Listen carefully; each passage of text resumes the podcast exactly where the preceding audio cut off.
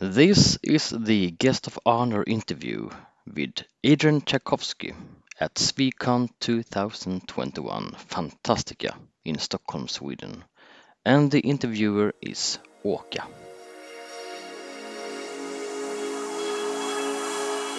Swecon-poddar, en poddradio från svenska science fiction och fantasykongresser.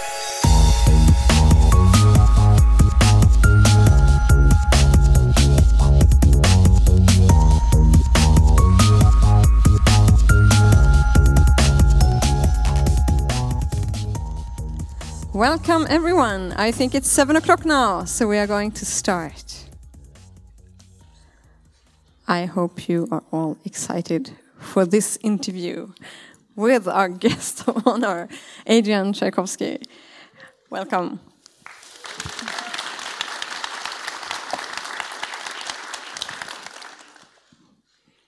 So it's interesting when you read books and you don't know anything about the, the person who, who has written it.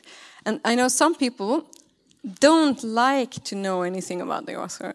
And some people are very interested in, in knowing who actually wrote the book. So, do you have like an author persona that you sort of want to show off when you go to convention? I mean, I am, I am generally far less interesting than my books as, as, a, as a person. I, I, I remember going to a talk by uh, Brian Aldiss where he was just recounting this incredible string of escapades he'd had and kind of going to, going to um, countries behind the, uh, behind the Iron Curtain during the Cold War and all of, the, all of these. And I was sitting there thinking, I have done nothing nothing in my life except write the books. So the books are basically the best part of me. Um, I mean, I have an author persona, but that's basically because I am naturally utterly antisocial and incapable of dealing with people. So I kind of put on um, my best impression of a functioning human being.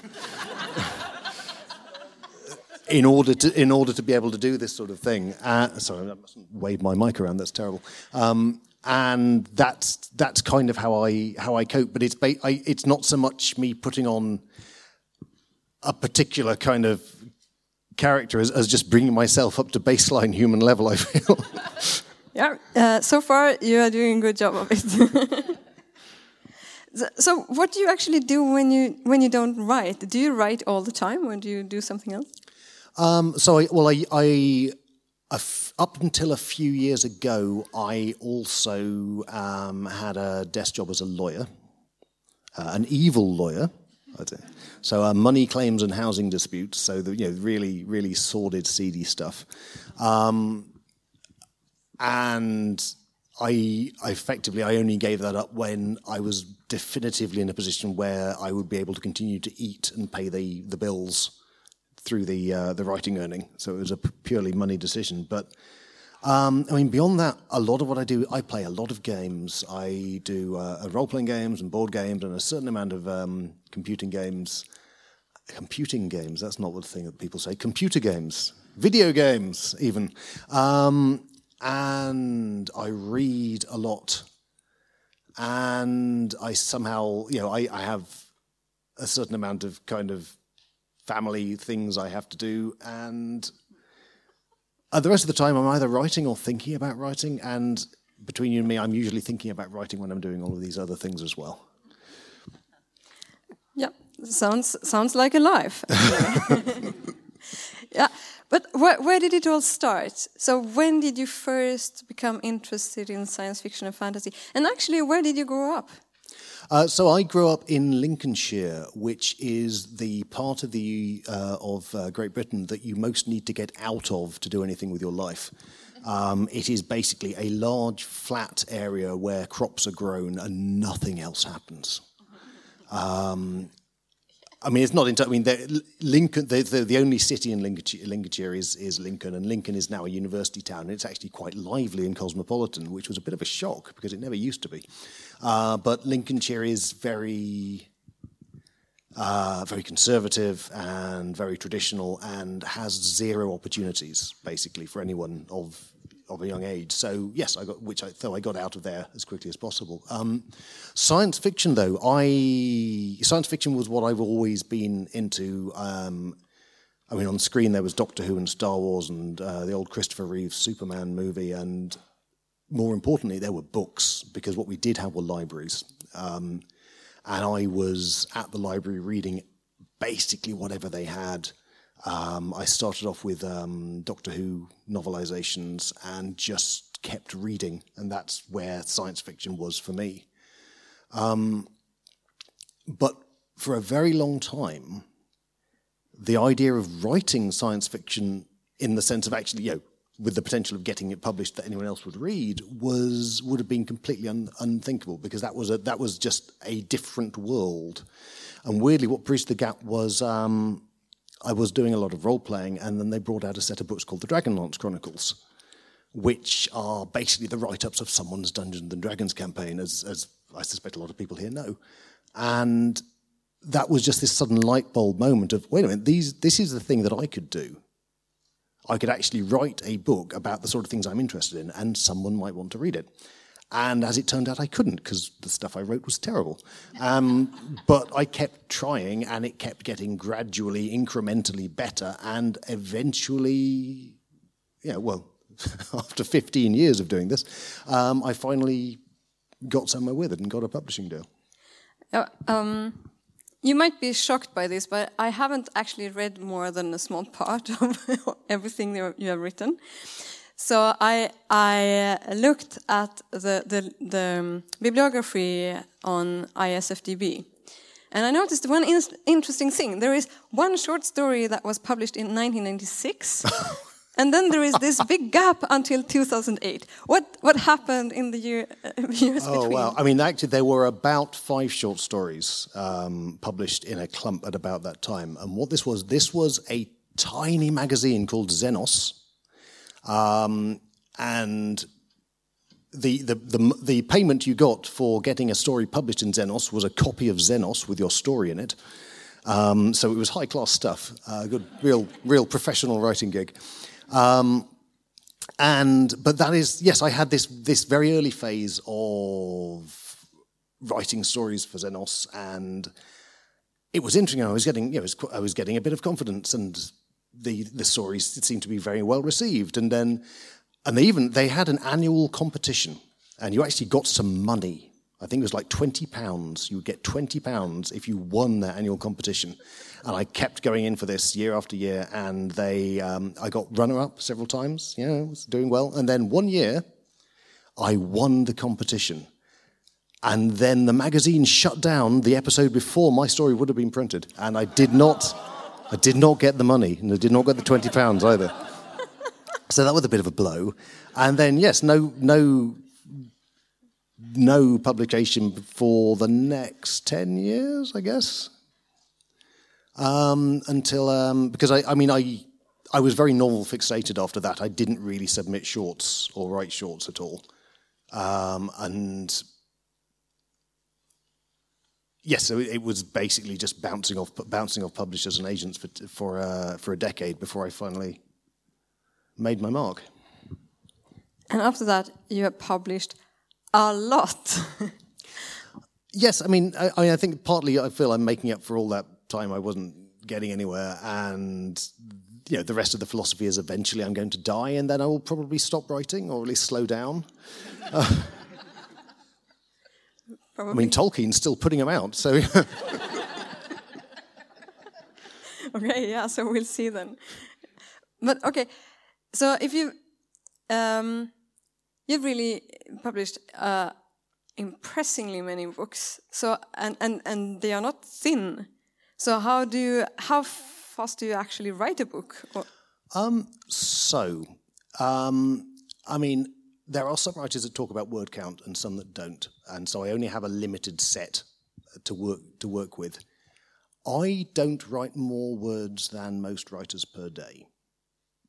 Um, I will generally get out about between one and one and two thousand words, which seems to be about on par.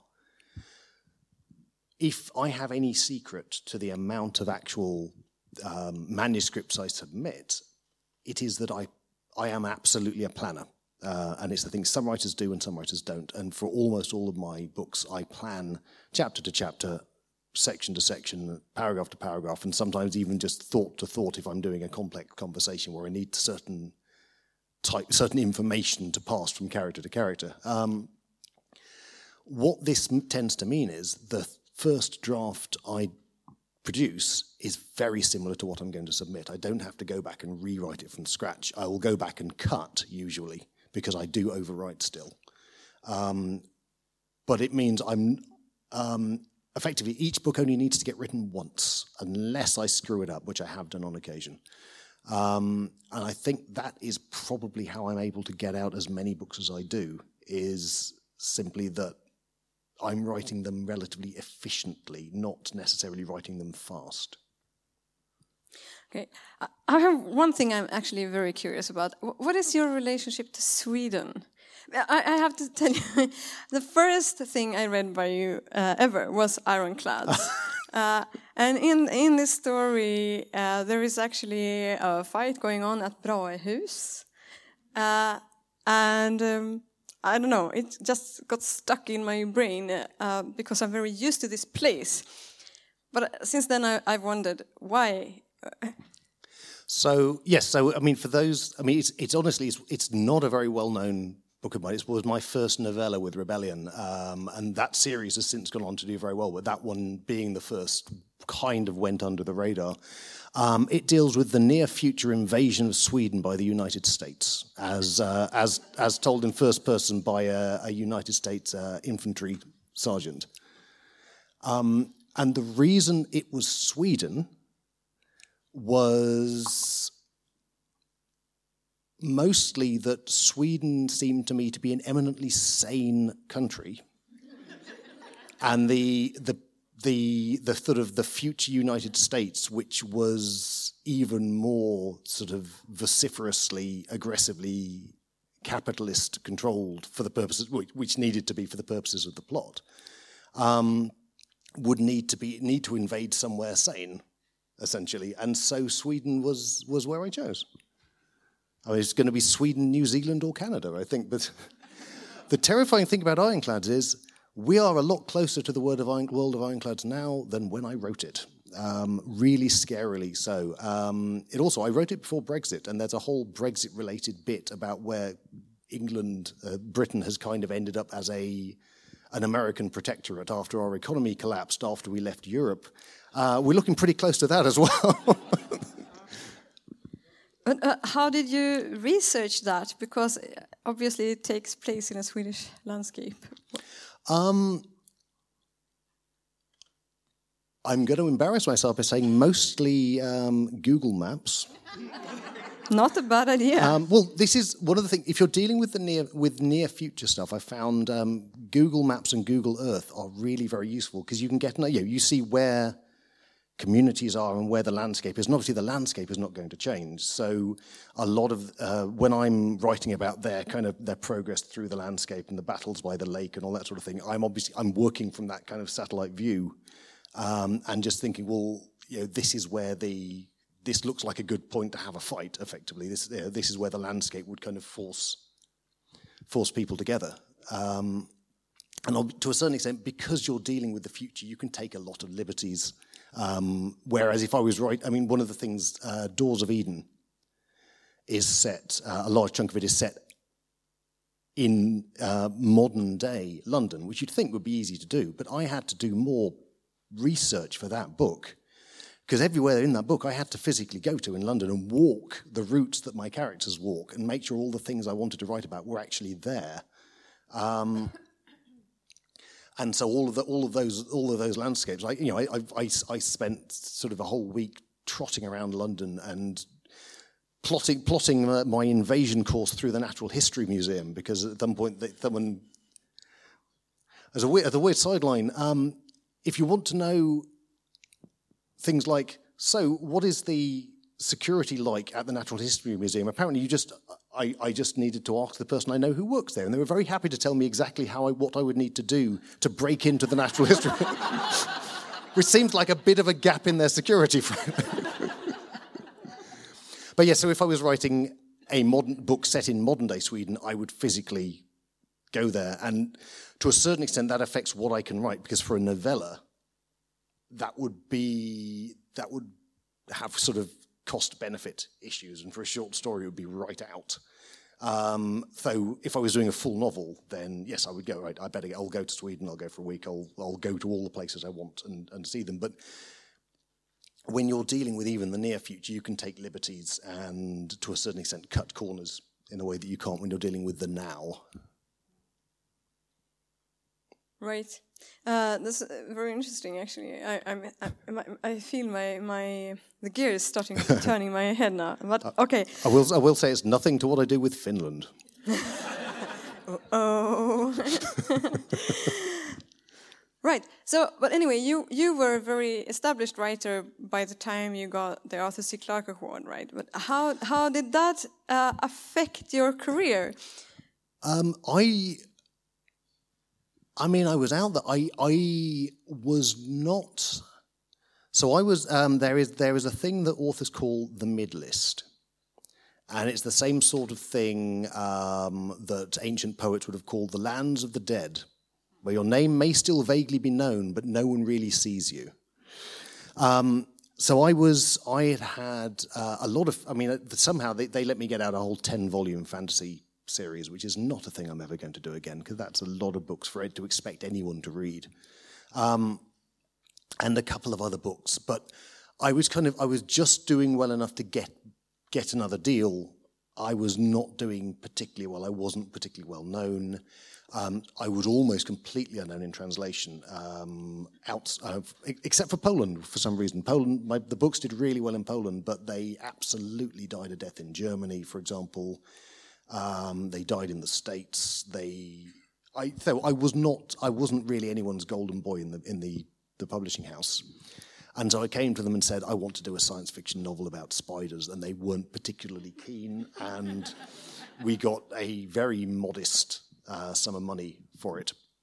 And I kind of expected to just die, and at least I would have written it because I, you know, it was a thing I really wanted to do, and that was kind of the point.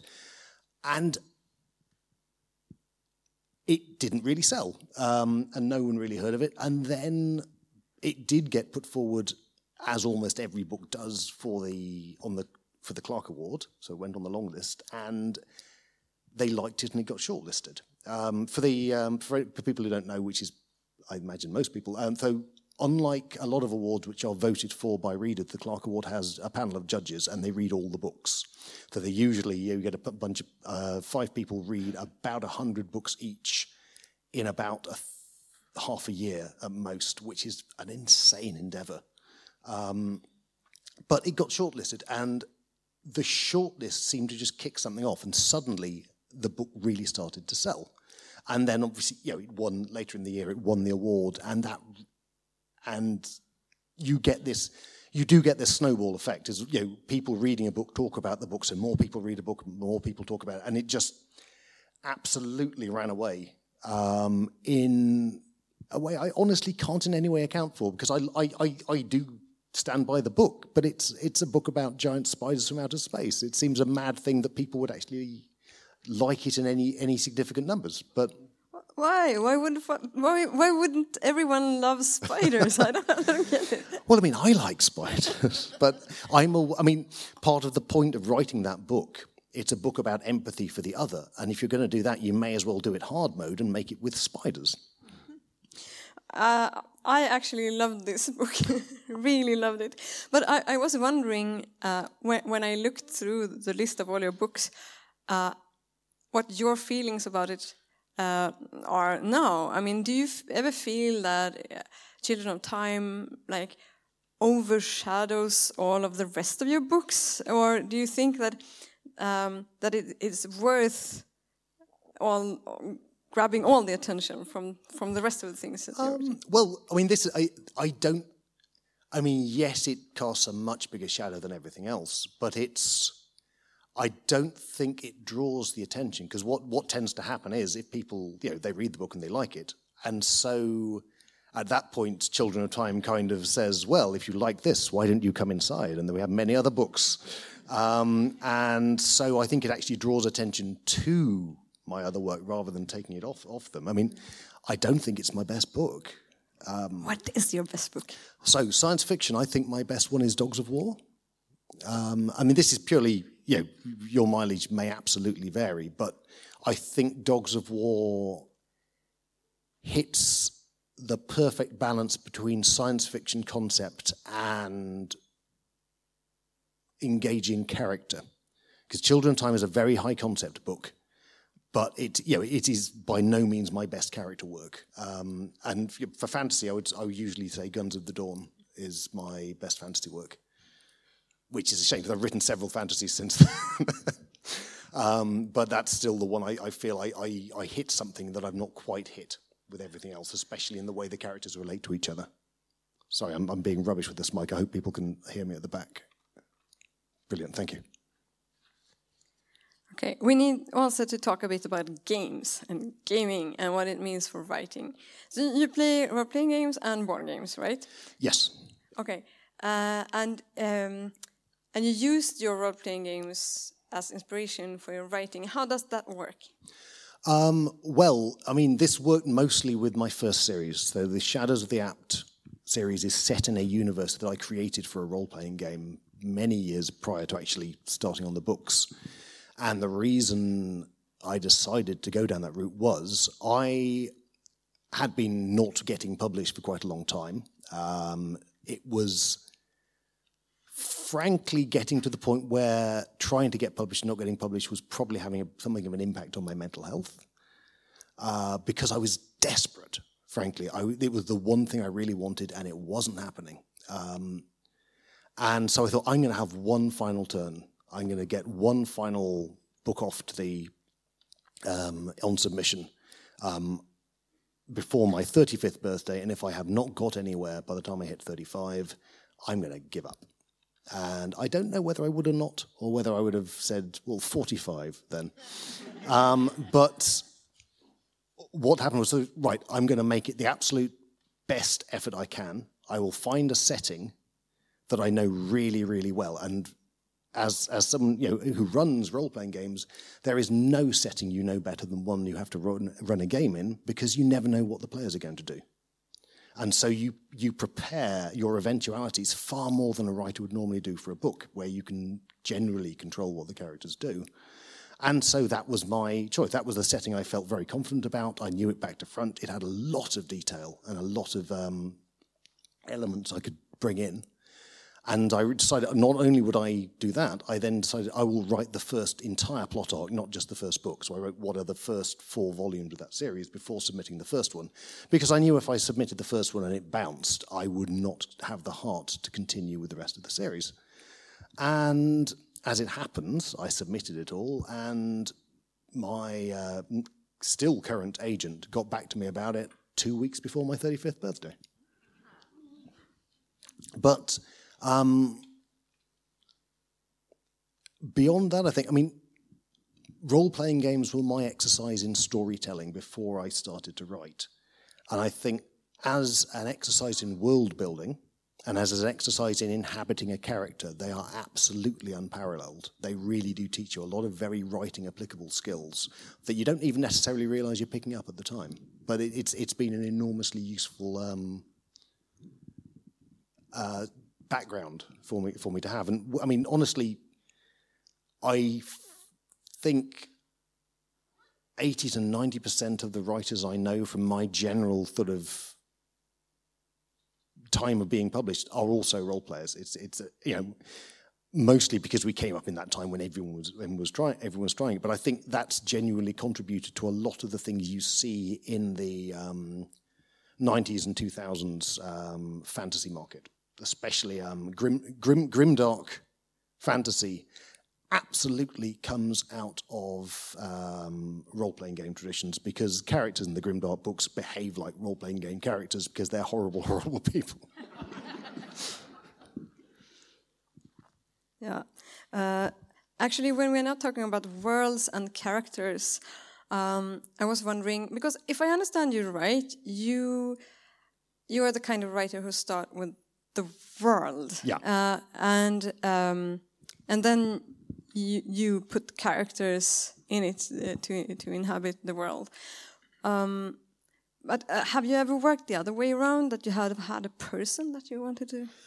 Uh, no, I should no. So the way what I try and do is I try and if I can make the world solid and and coherent and believable, everything else comes out of that very naturally. I know, though the, the characters will arise because I know the thought of people who live in that world, and they very they in, they are the product of that world, which means they fit together, and they fit with the thing with everything around them, and the plots arise because I can see where where are the friction points, what are they, where where are the interesting stories this world wants to tell, and so I, I always I start off with you know the big concepts. I work out all of the other details, and by the time I've finished doing the world, I know exactly what the book is going to be about, because those details tell me, oh, that's interesting. I better have someone from there. I better that you know I want. That's an obvious. You know, those two groups are obviously not going to get on. That's um, that that suggests uh, you know a series of events that can have happened in the in the past that that give rise to the plot, and so it all it all happens very. Um, organically. And what hopefully it gives is a world that is very immersive because all those pieces fit together. There's no point where someone stops and that doesn't seem quite right. That seems like it's happening because the plot needed to happen. Or to showcase you know, or that character needs to to do a thing at that point. Everything should hopefully ha- follow one everything else in a very natural way. So, um, one kind, uh, a way of telling a story that was I think, more common uh, earlier in, in the history of science fiction, but is still used sometimes, uh, or actually very often, is that you have a protagonist uh, that doesn't know the world. You put the protagonist in the world, uh, being being young or being a foreigner or something that gets to know the world at the same time as uh, the reader. Um, uh, but if you don't do that, if you write about the people who actually inhabit this world, then you have to describe it in, in a way uh, that the reader will follow so that you can understand what's going on. Um, how do you work with that? Enormous lumps of exposition. I mean, I'm, I'm only semi. I mean, exposition is one of those things that writing teachers will generally tell you not to do. You can do it. You just need to know. It's, it's one of those, you need to know the absolute minimum you can get away with. And there are, I mean, also there are also there are other more elegant ways of getting your world over. Um, frequently, it's just you, the things characters refer to, the way they talk, the um, the the references and the figures of speech, you can actually you can tell a huge amount about your world without ever physically turning to the readers and saying this is how it works. Which, admittedly, I have done that quite a lot, um, and mostly gotten away with it. But there are actually, there are much more elegant ways of um, of doing it. And I mean, for example, um, I don't know if anyone here knows the writer R.J. Barker who's um, a very, very good, relatively recent um, appearance on the British fantasy scene. In his first series, you have um, a fantasy world that's kind of feudal. Um, you have uh, definitely there is a ruling class, and definitely there is a uh, subservient class. And the ruling class are referred to as the blessed, and the subservient class, class are referred to, if I'm recalling correctly, as the grateful. And that tells you everything you need to know about how that society is set up. um, so there are there are all sorts of ways you can construct a world and show it to your readership without either having a as you know bob sort of moment or having this i mean you can you can certainly do the you know the, the clueless protagonist or the amnesiac protagonist, which of course is the way that a lot of computer games go, where you just yes you're a complete blank slate because you're being played by we don't know who, and now we're going you're going to learn about the world by going out and people will just randomly tell you things. Um, as a device in a book, I think it's hard to do it and have it not be hackneyed. Because even if you are a, a peasant from Nowheresville in the middle of the, you know, the middle of the countryside, it's not as if no one there knows anything. You know, this idea. I mean, it's it's a weirdly patronizing urban idea that you are that ignorant if you come from the countryside. You are still the heir to generations of knowledge about how the world works. If people there still have it's not you know it's not as if people in the countryside have no beliefs about anything and you you you leave your village and, uh, you know, an empty vessel waiting to be filled with the wisdom of those city folk. Um, that's just now not how worlds work, and that to me is quite immersion breaking when you have that kind of character. Speaking of how worlds work, you've already touched on the fact that the, the people, the characters, are a product of their world. And you also have non non-human characters. So obviously you have thought a lot about ecology and, and, nature and so on. Oh, how how much? What is your relationship to nature? How much do you actually? Um, so I mean, I, I kind of grew up on a um, a diet of nature documentaries, um, David Attenborough and all the other things. It was a it was a big thing, and that also that was the television type of television program because it was educational that I got to stay up late to watch. Um, but I mean, I, I have always, despite the fact that I have no practical wilderness based skills whatsoever, I have always felt a deep attachment to the natural world. um, but it's, it's, it is, it's very, my mental landscape is a, a landscape of, of animals, of insects, of, of, of, the, of, of nature. Um, and it turns up to a greater or lesser extent in pretty much everything I've written. Um, even Ironclads has giant mutant crabs, allegedly. Um, but I mean, t- to me, kind of, ni- I mean, the animal kingdom is kind of ninety percent of the wonder of the planet we live on, um, which wonder we are rapidly running out of uh, the way we're treating it. Um, but for that reason, that's what I'm interested in. And I mean, on, honestly, yeah, we've never met an alien.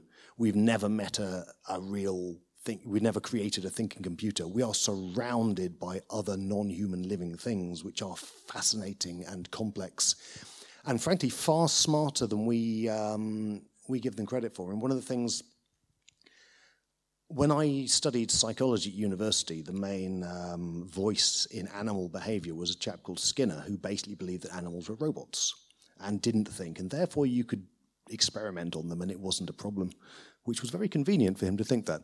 Um, more recently, animal behavior has, has had something of a renaissance as a field of study, and we are finding, I mean, quite aside from the uh, the portiaed spider studies that led to my writing Children of Time, all manner of creatures turn out to have vastly superior intellectual capabilities and complexities and individualities um, than anyone ever ever suspected because people just weren't looking for that sort of thing. Um, I mean, there's a book, uh, Metazoa, by Peter Godfrey Smith, where he talks about just the evolution of intelligence in various groups. It's a really interesting read. Mm. And I think you also read that book. Oh, what is it called? The the uh, the, the, the book about um, cephalopods. Oh yes, uh, that's Other Minds, which is by, by the, same, by, the, by exactly the same that one. by the uh, same author. Yeah, mm -hmm. which which for all of my all of my work on um, writing from the point of view of um, octopuses in Children of Ruin is, is absolutely informed by um, by that book, which was a godsend, frankly. Yeah, and, and now we seamlessly come um, to my next question, which is, what do you read? Um, so I, I most, I mean, I still, mo- I still mostly read science fiction, fantasy, um, and a certain amount of other stuff that I read as research. And I mean, and honestly, a lot of my research I get from things like podcasts and stuff like that. Um, and um, the occasional online article, but sorry, I'm starting to get a bit chilly. Um, honestly, I probably feel like I should say, oh no, obviously I read all, I read very widely in various fields, and I read classics and all various genres, but I don't. I really just read science fiction and fantasy, and that's probably not a thing to be terribly proud of, but it's it's how it is. It's also not a thing to be ashamed of, actually. but um, uh, how has writing affected your reading? Do you read differently now? Um, yeah, there's um, there's kind of it's like a, there, there's a window that's moved. So I, the books I prefer to read now are definitely more experimental and more complex. And I, I find, for example, I I don't generally enjoy straight up um, heroic or epic fantasy in a way that I that I used to. And I got I got sent a book um, a few years ago by a very very good epic fantasy writer, absolutely top notch stuff. And I read it and I thought I can tell this is a very very good book, but it's a good book of a type of book I don't actually enjoy. Unless it's doing, unless the author is doing something very different with it that grabs my interest, it's not a thing I tend to uh, tend to read. But I suppose there's a lot of it. I read a lot of it, and you kind of feel I, I it's very good, but I've kind of been here before. Um, so I, I'm always looking for writers now who have something really interesting that they're doing with with the genre, and thankfully there are a lot of them there.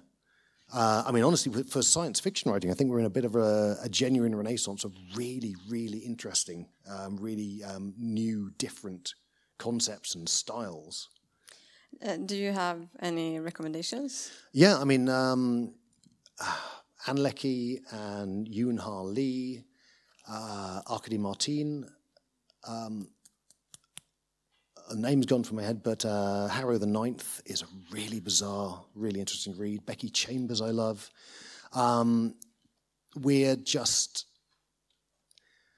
we're genuinely in an age where people are really exploring a lot of areas in the genre that have gone untouched for a long time, or possibly you know untouched, untouched forever.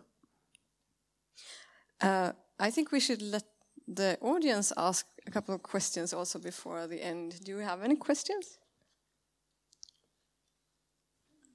Over there.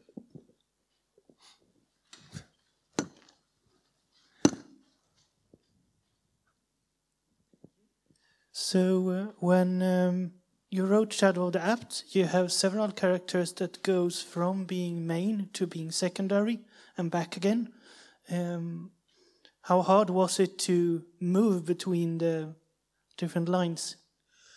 Um, it came very naturally, to be honest. I mean, I'm, I'm still not quite sure how I got 10 books in one series um, with about a million different characters um, and kept it all straight. Um, I mean, certainly, I, I, I suspect that the encroaching age has meant I need to make a lot more notes now. Because I, I, mean, Shadows of the Apt just, just, just kind of happened. I didn't have any kind of complex Bible. I didn't have anything but sort of 10 year old role playing game notes and an imagination at the time. And it all kind of hung together. Um, but no, it was very, it was always an ensemble piece. And so there are it's it's actually quite hard to draw up a list of the main characters because they're always like, oh, and there's that person, and then there's that person, and that person, and you know that person. Even though they die in book four, they're still kind of a main character because people are still very much talking about them later on, and the list just keeps growing and growing and growing. So it's it's an enormous kind of group effort on the part of the characters. Um, and there are you know there are books where I mean, I, on the, the, the, the, if I had to say this character is the main character, it's probably Cheerwell Maker. But there's a, you know, she's not in two of the books at all because she's just elsewhere doing other things. So, yeah, I think I just, I was somehow able to have a, a breadth of vision on, in that world, possibly just be, because of the, the um, that role playing game background that I, that I mentioned that allowed me to juggle this frankly absurd number of different viewpoints.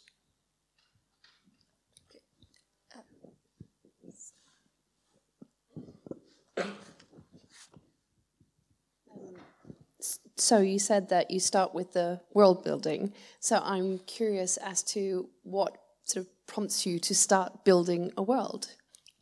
So usually there will be one specific thing and uh, I mean, one of the things I generally don't do is have the world, which is it's very like a sort of a historical setting. I mean, I guess we'll probably come to this in the panel I'm doing tomorrow. Um, so it's very like the, it's medieval Europe, but there is this secret magic. because I kind of think, well, if you had magic and if it did magic stuff, you can't really have medieval Europe at that point because everything changes. Um, and what I'm really interested in is if you make take something that is absolutely outrageous, like everyone has insect powers, or everyone can change into an animal. What does that do? What are the what are the um, like the ripples that that creates that change the societies involved? Because a change like that, a change that that fundamental, everything else has to go has to change with it, and everything else has to be informed by that. And it's thinking through those repercussions, which is the interesting part of world building for me. Do we have any more questions? Otherwise, I'll ask another one. uh, right. So, uh, all Oh, of well, we make, do we have one? did we have one? You had one? Yeah, sure. Yeah, go ahead, go ahead. I was uh, curious which book you had to rewrite, rewrite because you said that you planned them all chapter by chapter. Yeah, that, so the the two that I've completely fallen off, fallen over on, um, the the uh, the second book of the Echoes of the Fall series, which is the Bear and the Serpent. I did not plan it properly enough plot wise, and so I got to a point saying, ah, and now I kill this character, and there's a this character which everyone has just the whole book has been about killing keeping this character alive, and so the whole book is kind of pointless. And so let's, I, and I had to rewind, all, I, I lost basically a third of the book. I had to rewind all of that and just replot it again and do something completely different with it because I just realized the whole book makes no sense whatsoever. And everyone's putting all this effort into a thing that doesn't really matter. And I know that, I mean, all right, that is the sort of thing that happens in real life, but books don't necessarily work by real world life logic. If they're going to be a satisfying read, you need a certain amount of payoff, you need characters to justify their existence in the book. And that, you know, that, that one character, if he'd just basically fallen off a wall and broken his neck at the beginning of the book, nothing at the end of the book would be any different, except it would have been a lot shorter. Um, the other one is uh, I got completely tangled up in the Doors of Eden. Um, again, around in the middle, there's just a particular middle bit where I'm obviously not thinking quite as carefully over what happens. And I had to rewind about four chapters until I worked out where I'd gone off, gone off, uh, off course. Um, other than that, everything is pretty much um, played out to plan so far, but there's always the next book. So we'll see then. Okay, uh, Ollie? Yeah, okay. Uh, well, uh, just because um, conflict-filled first contact with uh, evolving uh, um, societies of giant space spiders uh, is a rather narrow genre. But I had made it my own. yeah, I was going to answer. I I wanted to ask you if if if you related in some way to um, a deepness in the sky when you wrote this book. This is, I am very, very glad that I had not read A Deepness in the Sky, because if I had, I wouldn't have written Children of Time. Um, because uh, they're very different books, but at the same time, there are enough commonalities that I would have thought, well, that's been done. Um, obviously, when the book came out, um, people said, "Yeah, well, have you read?" And I went off and read it, and I really enjoy it. Although I think I prefer a Fire on the Deep of that of that, those two, just because the um, the way he does the the Tine uh, and their mindset and their kind of the the he does. I mean, he does that same thing that I was talking about. He does, well, what are the implications if you have a a species where you need about five of them to get a mind between them, and then if you have more than that, it gets out of out of hand and unruly. And the the the way he follows through the implications and the way that makes a logical, coherent society is absolutely beautiful. So should we all read also Vernor Vinge? Um, yeah, absolutely. I mean, like those are those are the two of his I've read, and I enjoyed both both of them. Um, Deepness in the Sky, I really liked, and obviously Spiders, so it's it, you know gets my vote for that. But the I, I think a Fire upon uh, Fire upon the Deep is genuine, just speculative fiction genius. Do we have time for just a tiny, tiny question? I, I can't see it. There, there, up there is it.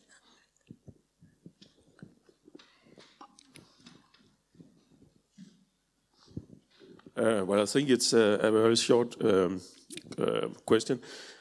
Um, do you ever have uh, when you when you're writing um, this uh, role playing awareness of um, that I, have noticed uh, myself when I read or watch something? Uh, what would the player think when the character does this and this? And, and I think and so, sometimes uh, I, I use that to uh, um, find out if uh, uh, if if characters works in a in a movie or a book. Um, I mean, I suspect. I don't think it's not something that consciously informs uh, my writing process in the same kind of way. But at the same time, I think it's absolutely my that that role playing mentality. Um, you know, play to find out and play to explore, and just that. You know, all you know, the the decades of gaming that I've done uh, absolutely just give me my baseline creativity. I think. Okay, we are we are actually just run out of time, but uh, thanks a lot. I think it was really interesting talking to you, and thanks uh, to all of you for coming and listening. Thank you.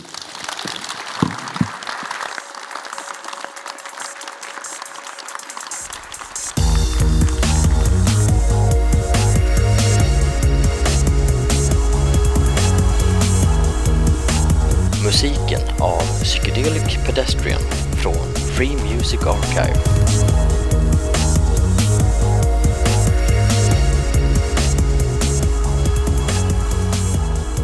Besök gärna vår hemsida på svekonpoddar.se